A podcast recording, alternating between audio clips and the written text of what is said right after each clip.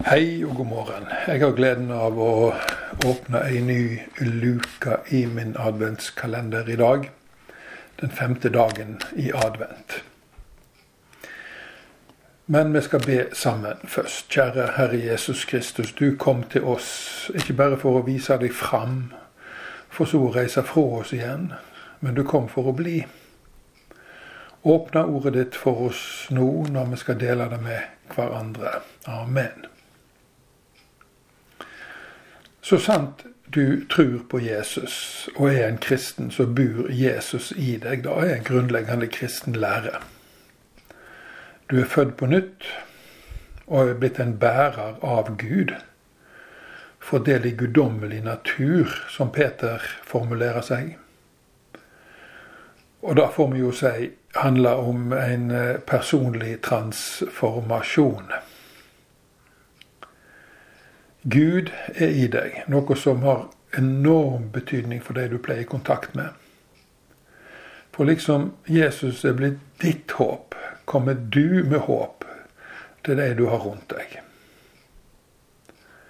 Et kristent menneske formidler alltid håp, ikke motløshet. Det siste ville være helt meningsløst i og med at vi har fått den ånd hos Gud som ikke frambringer motløshet, men en ånd som gir kraft, kjærleik og visdom, som vi leser i 2. Timoteus brev, kapittel 1. Og som om dette ikke skulle være nok, Jesus er òg med deg, som han sier i misjonsbefalinga. Slik at alle som møter deg, møter Han før de møter deg. Dette er jo bare helt strålende. For det betyr at du som kristen påvirker folk med Gud i kraft av at du bare finst. Og Jesus sa det sjøl til læresvennene sine i Matteus 5, at dere er verdens lys og jorda sitt salt. Ikke at de skulle bli dette en gang i framtida, f.eks. på pinsedag, men at de allerede var lys og salt. Hvordan kunne det ha seg? Jo, de trodde på Han, og ved trua hadde han tatt bostad i de.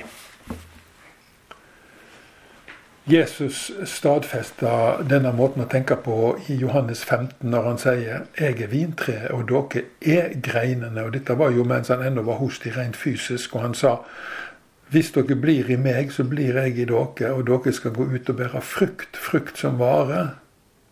Den fysiske, menneskelige sida av Jesus var ikke hele sannheten om han. Han var Gud, og Gud er ånd. Og som sann Gud kunne han bo i vennene sine før han ved sin soningsdød bana vei for at Den hellige ande kunne komme til dem i all sin fylde og starte en helt ny epoke både i deres liv og i verdenshistorien. Paulus skriver i Galaterbrevet kapittel 2 vers 20 jeg er korsfesta med Kristus. Jeg lever ikke lenger sjøl, men Kristus lever i meg. Og da livet jeg lever i kroppen, lever jeg i trua på Han som elsker meg og gav seg sjøl for meg. Hva vil jeg fram til? Jeg vil at du skal begynne å regne med Jesus.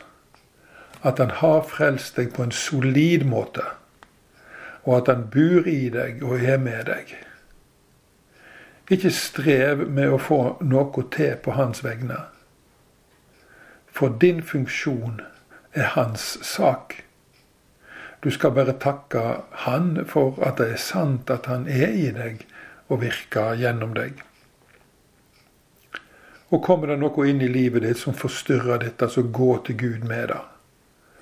Synder bekjenner du, og alle bekymringene legger du fram for Gud i bønn og påkalling med takk, som Paulus skriver i Filippabrevet, kapittel 4 av vers 7.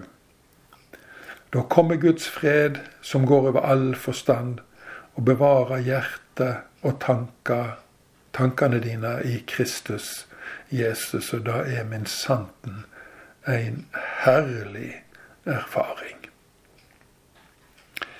Far i himmelen, lat navnet ditt helgast, lat riket ditt komme.